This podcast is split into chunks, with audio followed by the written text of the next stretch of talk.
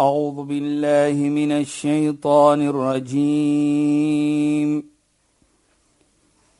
بسم الله الرحمن الرحيم.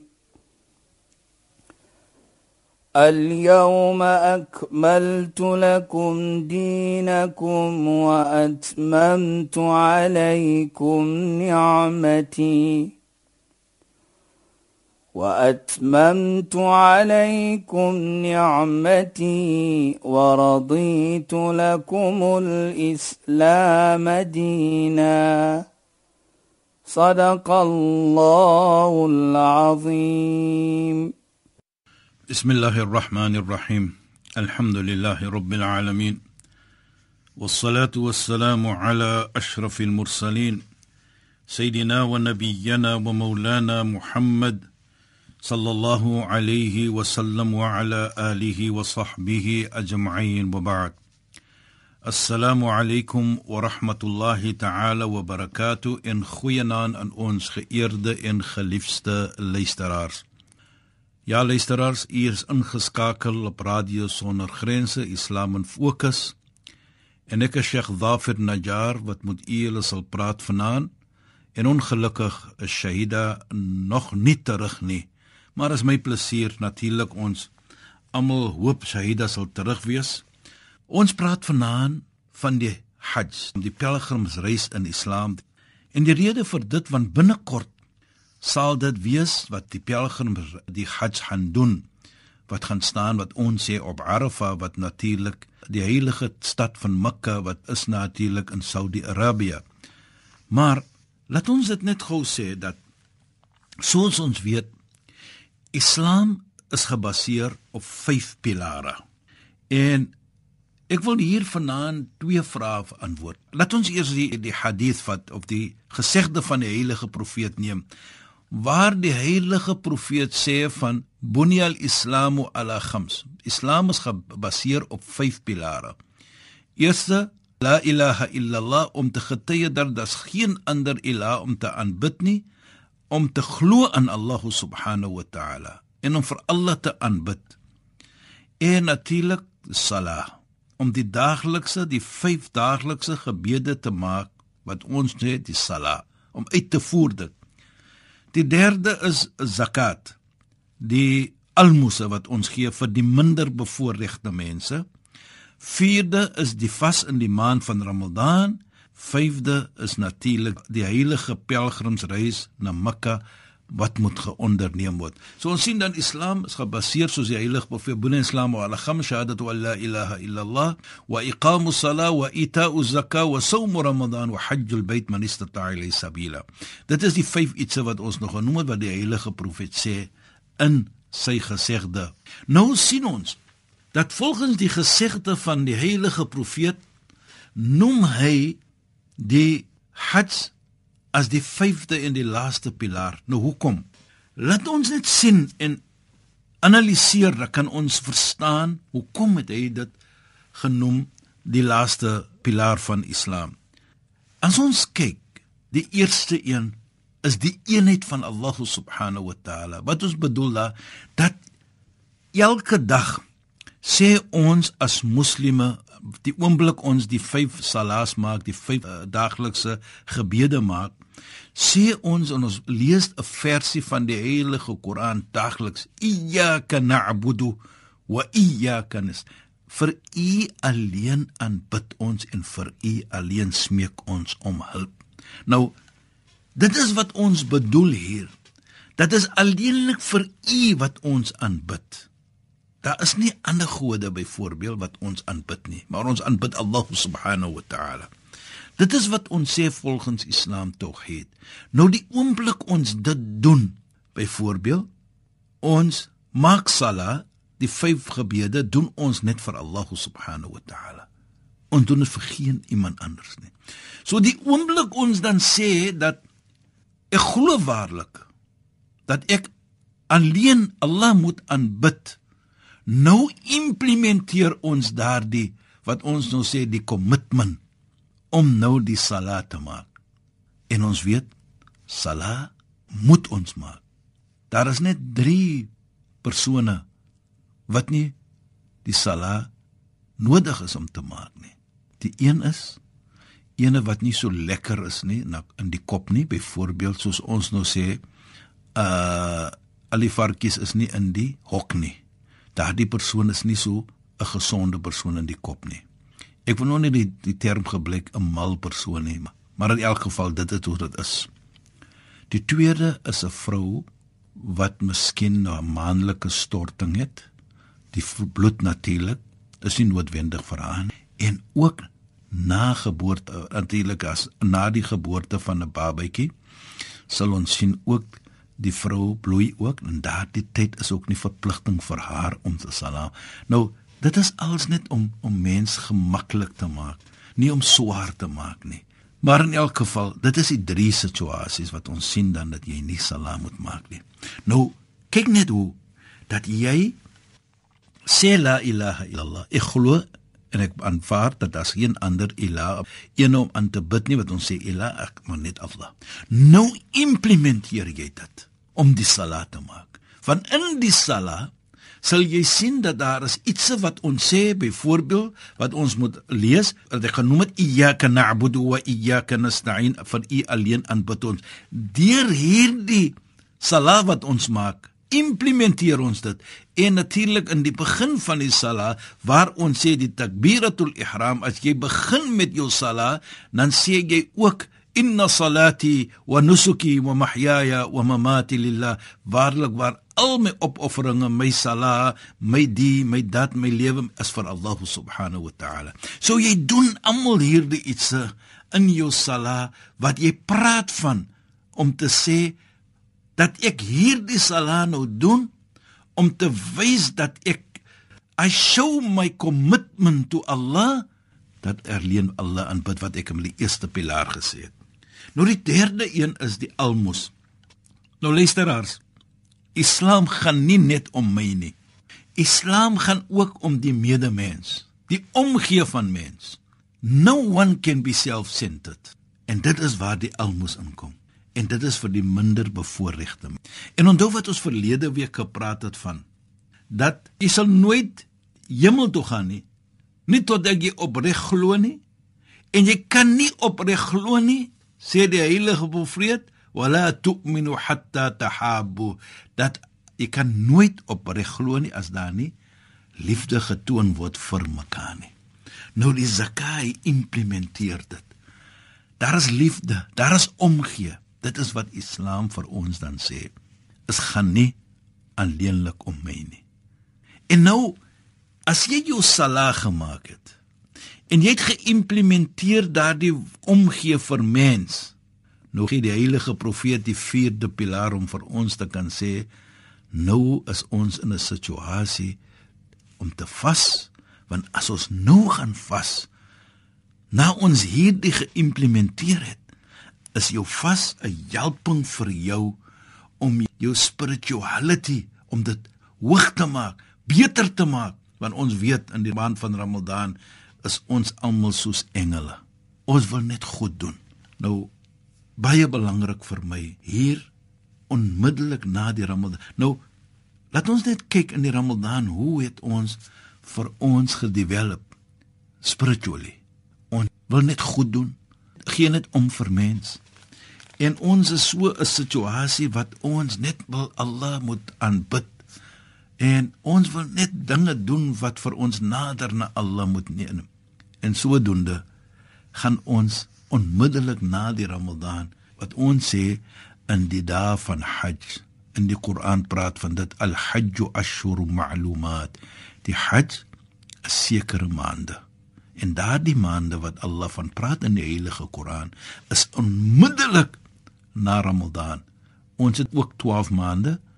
Volgens die Heilige Koran is ons ook 12 maande. Maar Ramadan is die 9de maand. Dit is die maand wat ons vas en na dit sê ons Shawwal, Dhul-Qaeda en Dhul-Hajj. Daardie 3 maande wat kom, is dan wat ons sê die Hajj maande. Waar ons almal voorberei meeder nou om almal se fokus, die hele gemeente, die volgelinge van heilige profeet Mohammed, die mense wat moslim is, hulle fokus gaan nou na die Hajj toe. Nou, kyk net hoe mooi. hoe het ons vir ons opgebou almal van ons wat moslim is ons het daardie kommitment gewys dat ons aanbid Allah alleen ons het omgegee vir mens ons het die Ramadan gebruik om vir ons spiritueel te hoog te neem en op daardie hoogtepunt van spirituele wat ons gekry het en bereik het gaan ons die hajj nou onderneem.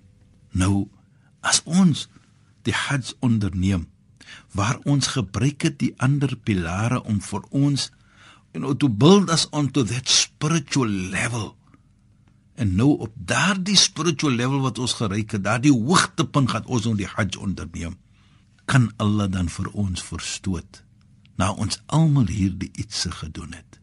Nou as ons dit inkyk dan sal ons sien waar die heilige profeet Mohammed sallallahu alayhi dan sê vir ons al-hajj mabrur laysa lahu al-jazaa illa al-jannah.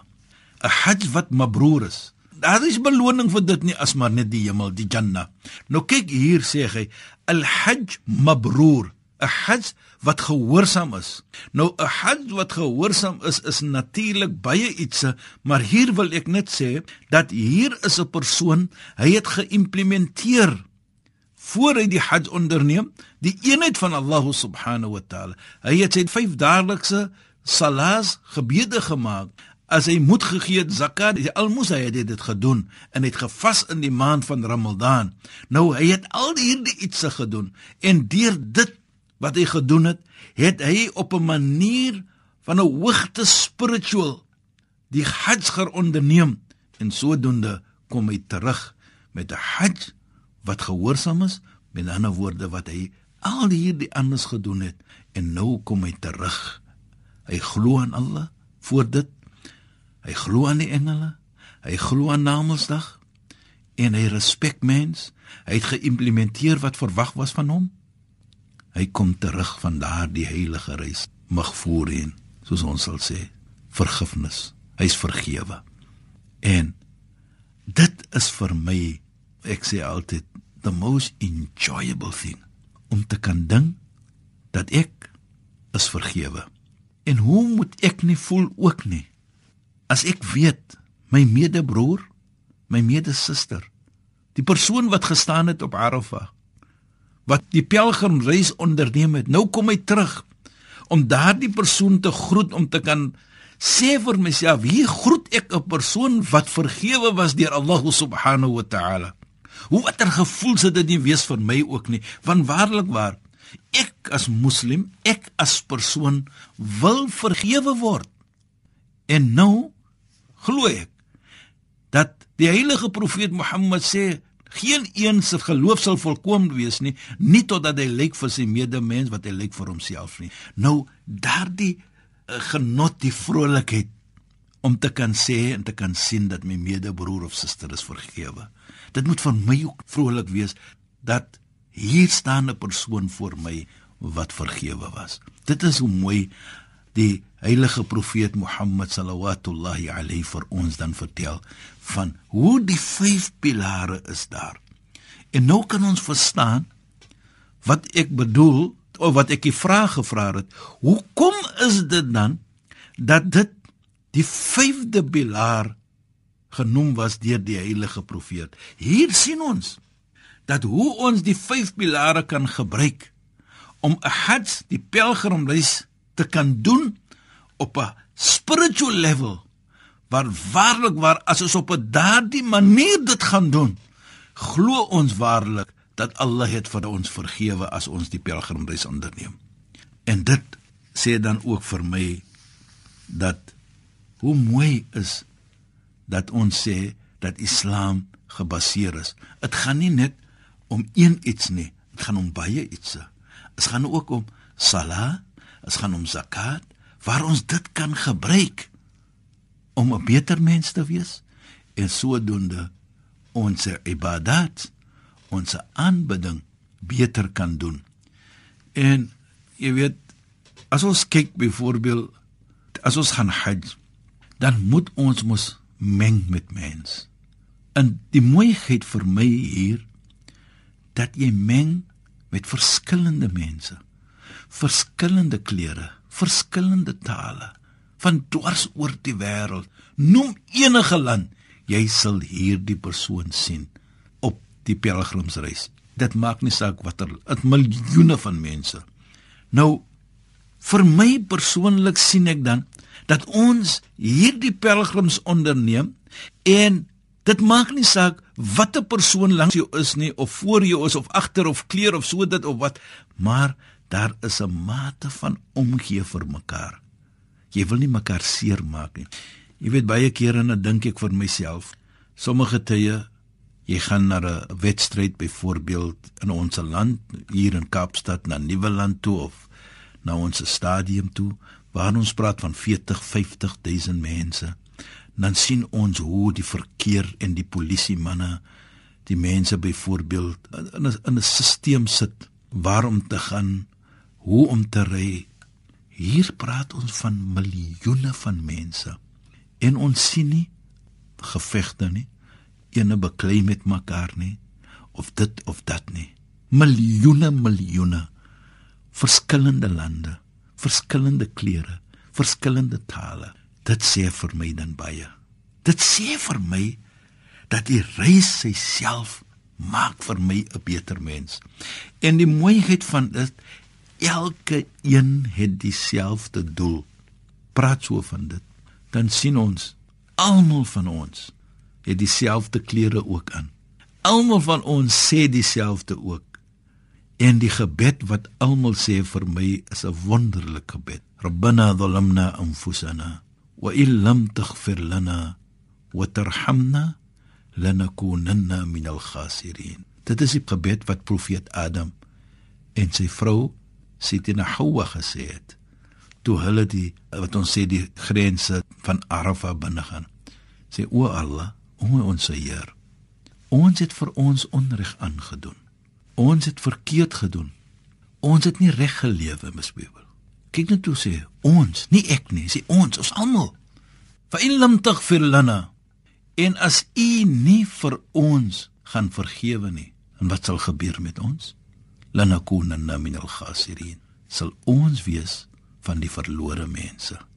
Nou sien ons dan wat ek vroeër gesê het dat jy is vergewe as jy daardie gebed sê en as jy doen en gebruik die ander pilare om vir jou daardie spiritual upliftment te gee en jy doen die gats en op so 'n manier dan outomaties is jy vergewe en op top sê jy ook dan hierdie gebed en as jy jou hande lig volgens die heilige profeet Mohammed sallallahu alayhi sê Allah subhanahu wa ta'ala dan Allah is skaam om jou terug te stuur om jou te verstoot as jy jou so smeek vir vergifnis. Nou dit is 'n mooi iets vir my. Die tweede vraag is dan ook die vyfde pilaar. Hoekom is dit dan so belangrik vir ons dat ons sien hoe Allah praat van vergifnis? Hoe hy stuur vir ons onmiddellik moet ons glo ons is vergewe. Maar luister as volgende week praat ons van dit van Nadim sê alweer vir my jy het na die einde gekom van jou tyd. Dit was lekker om met julle te gepraat het. En u is ingeskakel by die Radio Sonder Grense Islam en Fokus en ek is Sheikh Wafir Najjar wat so 'n geniet het om met julle te praat. Maar lekker slaap en goeie naand. Alaykum wa rahmatullahi wa barakatuh. أعوذ بالله من الشيطان الرجيم. بسم الله الرحمن الرحيم. اليوم أكملت لكم دينكم وأتممت عليكم نعمتي. وأتممت عليكم نعمتي ورضيت لكم الإسلام دينا. صدق الله العظيم.